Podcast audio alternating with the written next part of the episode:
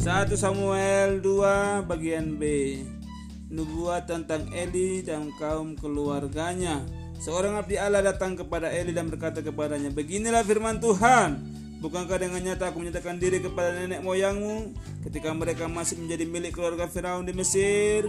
Aku telah memilihnya dari semua suku Israel.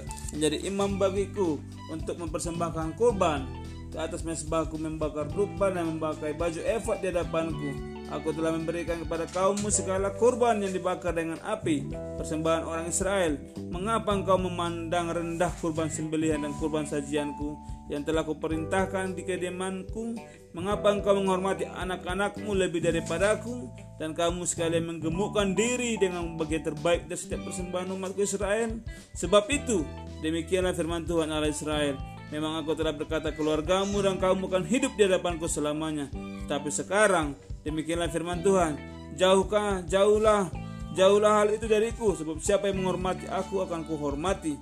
Tapi siapa yang menghina aku akan dipandang rendah. Sesungguhnya akan tiba waktunya. Aku akan mematahkan kekuatanmu dan kekuatan kaummu.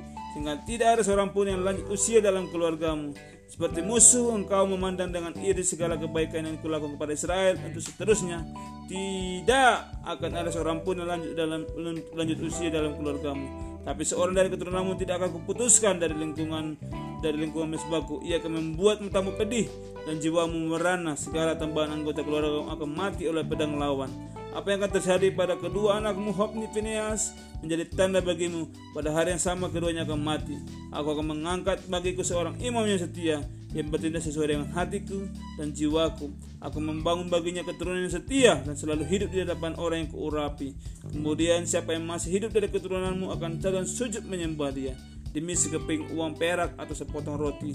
Dan berkata tempatkanlah aku dalam salah satu golongan imam supaya aku dapat makan sekerat roti. Amin